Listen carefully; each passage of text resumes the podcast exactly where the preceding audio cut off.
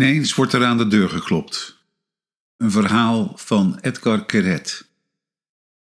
Vertaald door Ruben Verhasselt. Vertel me een verhaal, beveelt de man met de baard die op de bank in mijn woonkamer zit. Ik moet toegeven dat de situatie niet echt plezierig is.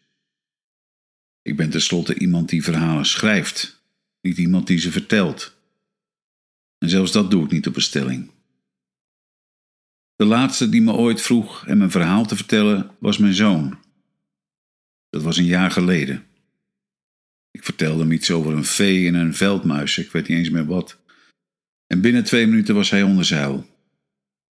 Maar deze situatie is wezenlijk anders.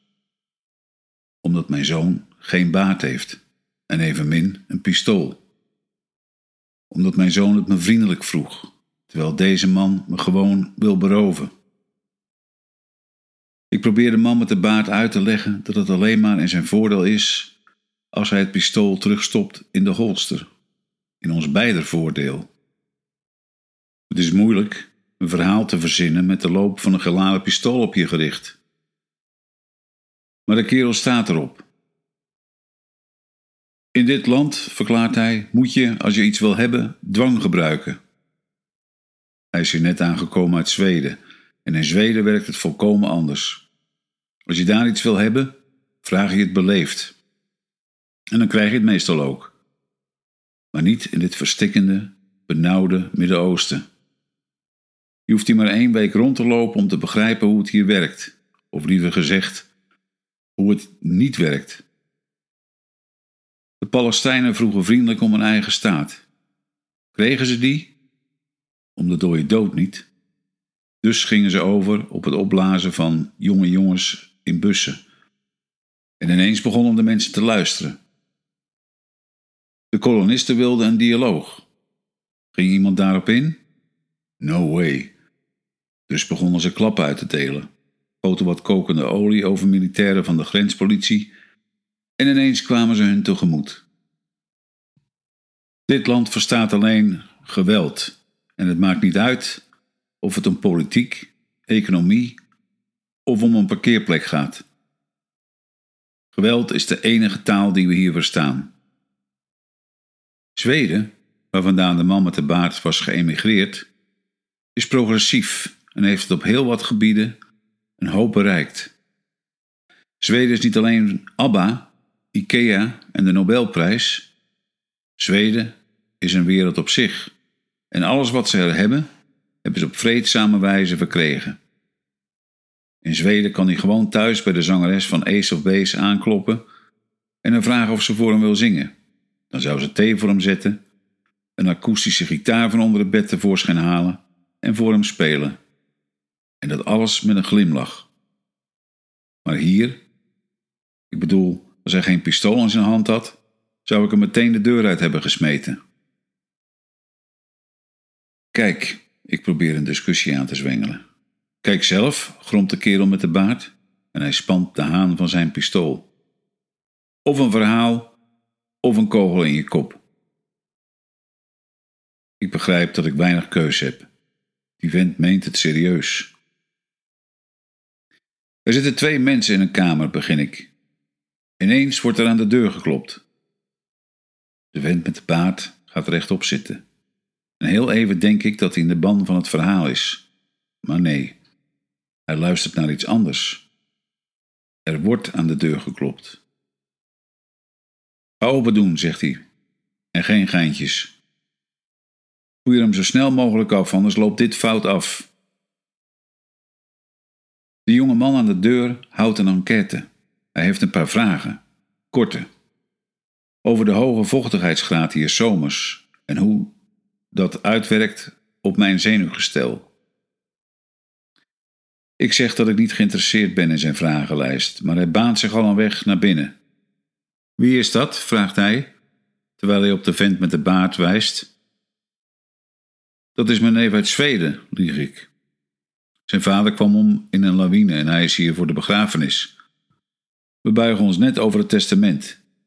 Kun je alsjeblieft onze privacy respecteren en weggaan?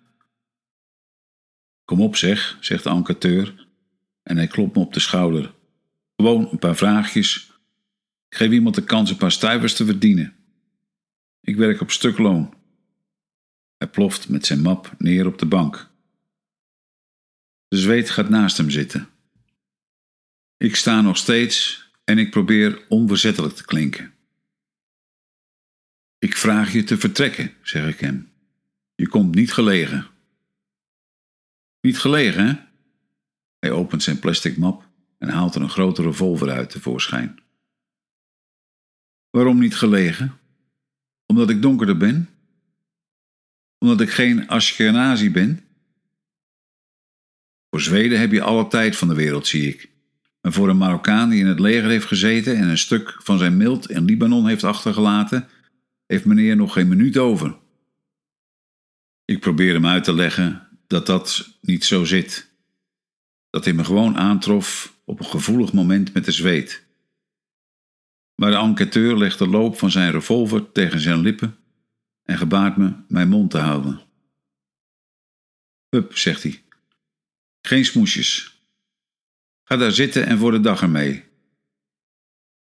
Voor de dag met wat? vraag ik. Ik ben inmiddels echt in de stress geschoten.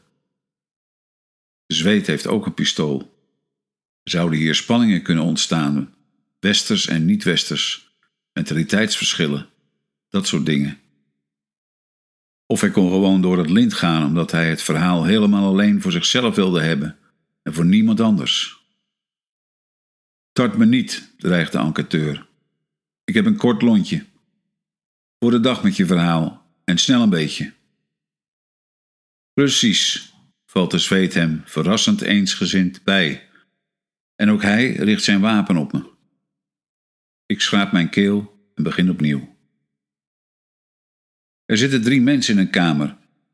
En geen ineens wordt er aan de deur geklopt, hè, waarschuwt de zweet. De enquêteur snapt niet goed waar dit op slaat, maar speelt het spelletje mee. Ga door, zegt hij, en geen geklop aan de deur. Vertel ons iets anders. Verras ons. Ik val even stil en haal diep adem.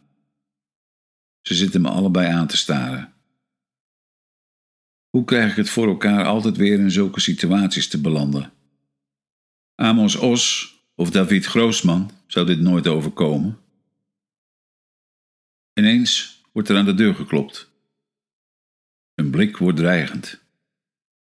Ik haal mijn schouders op. Ik sta er tenslotte helemaal buiten. Er is niets in mijn verhaal dat in verband staat met dat kloppen. Loos hem, draagt de enquêteur me op. Loos hem, wie het ook is. Ik open de deur op een kier. Het is een pizzabezorger. U bent Keret? vraagt hij. Ja, zeg ik, maar ik heb geen pizza besteld. Maar hier staat Zamenhoofdstraat 14, snauwt hij. En hij houdt me een briefje onder de neus en baant zich een weg naar binnen.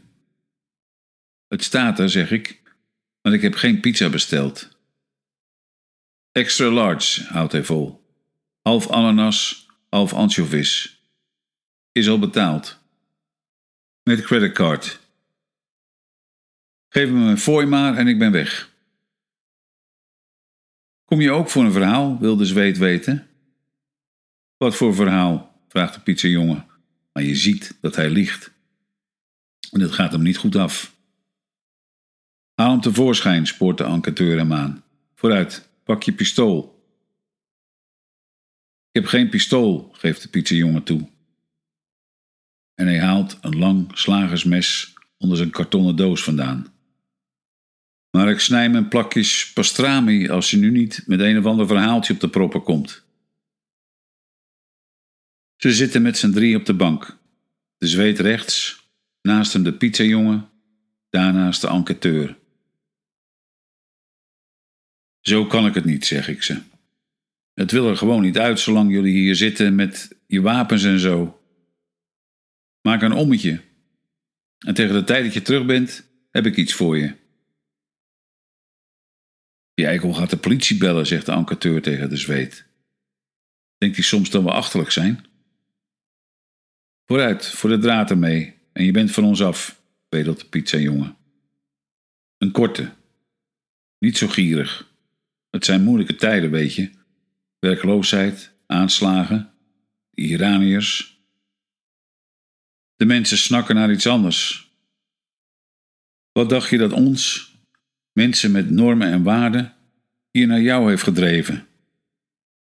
De wanhoop, man, de wanhoop. Ik knik en begin opnieuw. Er zitten vier mensen in een kamer. Het is warm. Ze vervelen zich. De airco is kapot. Een van hen vraagt om een verhaal.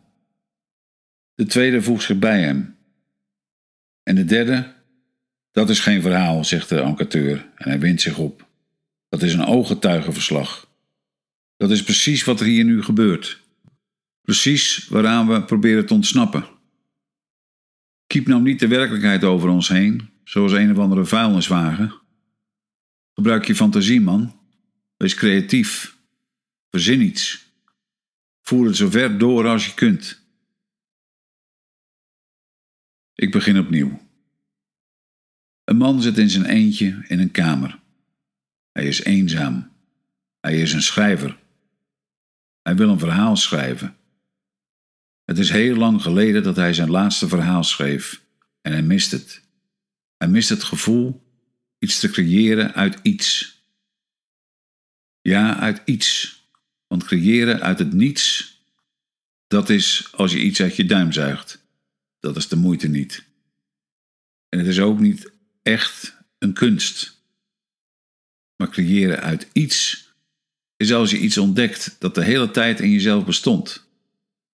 Het ontdekt in een gebeurtenis die nooit heeft plaatsgevonden. De man besluit een verhaal te schrijven over de situatie. Niet de politieke situatie en ook niet de sociale. Hij besluit een verhaal te schrijven over de menselijke situatie. De menselijke situatie zoals hij die op dit moment ervaart. Maar er komt geen verhaal in hem op, omdat de menselijke situatie, zoals hij die op dit moment ervaart, blijkbaar geen verhaal waard is. Hij is al van plan het op te geven, als ineens, ik heb je gewaarschuwd, valt de zweet me in de reden, geen geklop aan de deur. Ik moet wel, houd ik vol. Zonder klop op de deur is er geen verhaal. Laat hem, zegt de pizzajongen goedmoedig. Gun hem wat speelruimte. Wil je een klop op de deur? Oké, jij je klop op de deur. Als we maar eindelijk een verhaal krijgen.